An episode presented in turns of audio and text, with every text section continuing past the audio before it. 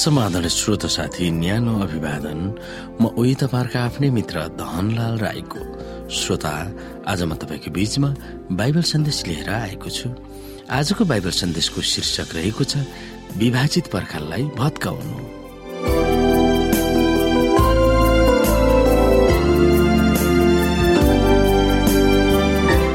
श्रोत साथी पावलले भन्दछन् एफएसी दुई अध्यायको चौध र पन्ध्रमा किनकि उहाँ नै हाम्रो शान्ति हुनुहुन्छ।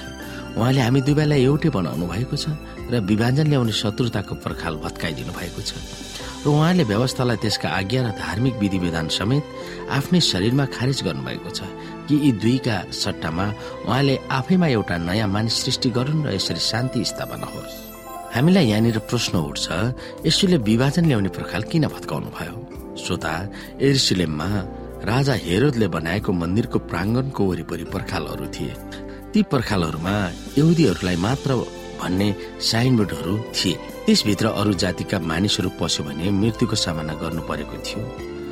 जब पावलले माथिका पदहरू लेखे तब उनको दिमागमा ती पर्खालहरूलाई याद गरेको हुनुपर्छ।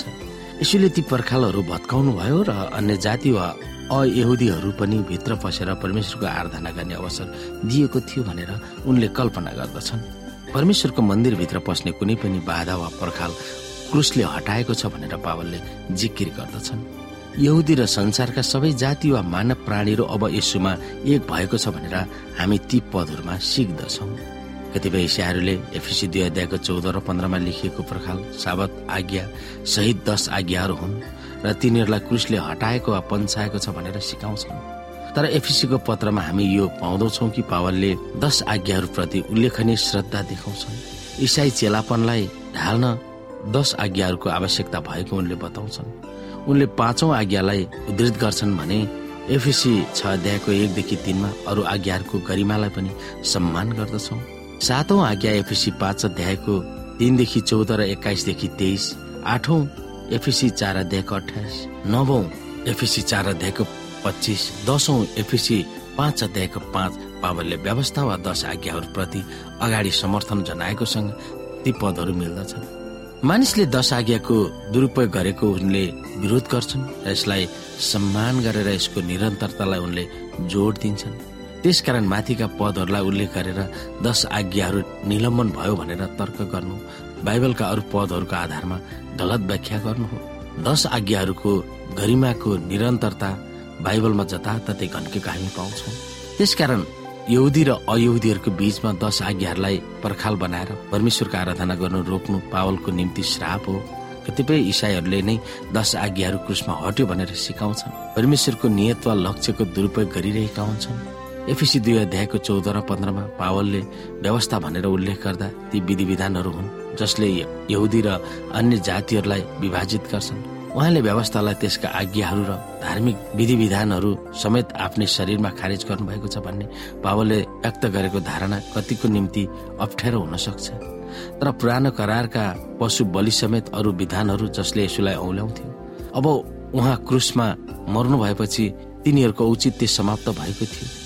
अन्य जातिहरूलाई यहुदीहरूबाट अलग राख्न ती विधानहरूलाई गलत व्याख्या गरेका थिए। त्यसमा थपेका थिए र त्यसरी परमेश्वरबाट अरू जातिहरूलाई अलग राख्न तिनीहरूलाई प्रयोग गरेका थिए। ती पदहरूकै मामिलामा सेभेन्द एडभान्टेज र लोकप्रिय इसाई समूह बीचमा तनाव भइरहेको छ। त्यसको सामना कसरी गर्ने र समाधान कसरी गर्ने? ख्रिसप्रतिको हाम्रो साझा प्रेमले ती तनावहरूबाट हामी कसरी अलग हुन सक्छौँ? ती विषयहरूमा हामी सोच्न सक्दछौँ। कि आज हामी बीचमा भएको दश आज्ञा कति मण्डलीहरूले मान्दैनन् र धेरै मानिसहरूको त्यसको पछि दगुरिरहेका छन् र त्यसको पछि लागिरहेका छन् कि दश आज्ञा पनि समाप्त भयो भन्ने मानिसहरूको विचार छ। तर आज सेभेन द एडभान्टेज मण्डलीहरूले दश आज्ञालाई पूर्ण रूपमा पालना गरिरहेका हामी पाउँछौँ सिरोपर गरेका हामी पाउँछौँ कि दश आज्ञा मध्येको चौथो आज्ञा जो साबतलाई सेभेन द एडभान्टेज मण्डलीहरूले जो साँचो मण्डलीहरूले पालना गरिरहेको छ। त कति मण्डलीहरूले ती साबतलाई बिथोलो पारिरहेका छन् र दश आज्ञामा भएका कुराहरूलाई उनीहरूले मान्दैन। र पावलले ती दश आज्ञालाई उल्लङ्घन गर्नुभएको होइन त्यसलाई पूर्ण मान्नुपर्छ भनेर जोड दिएको हामीले धेरै अध्यायमा हामी हेर्न सक्छौँ। ती अनुसार हामीले हाम्रो जीवनलाई अगाडि बढाउनु अति उपयोगी हुन सक्छ। बाइबल धर्मशास्त्र जो तपाईँ र मेरो बीचमा छ त्यसलाई पूर्ण रूपमा हामीले पालना गर्नु नै हाम्रो लागि उचित हुन सक्छ। यी कुराहरूमा हामी विचार गर्न सक्छौँ।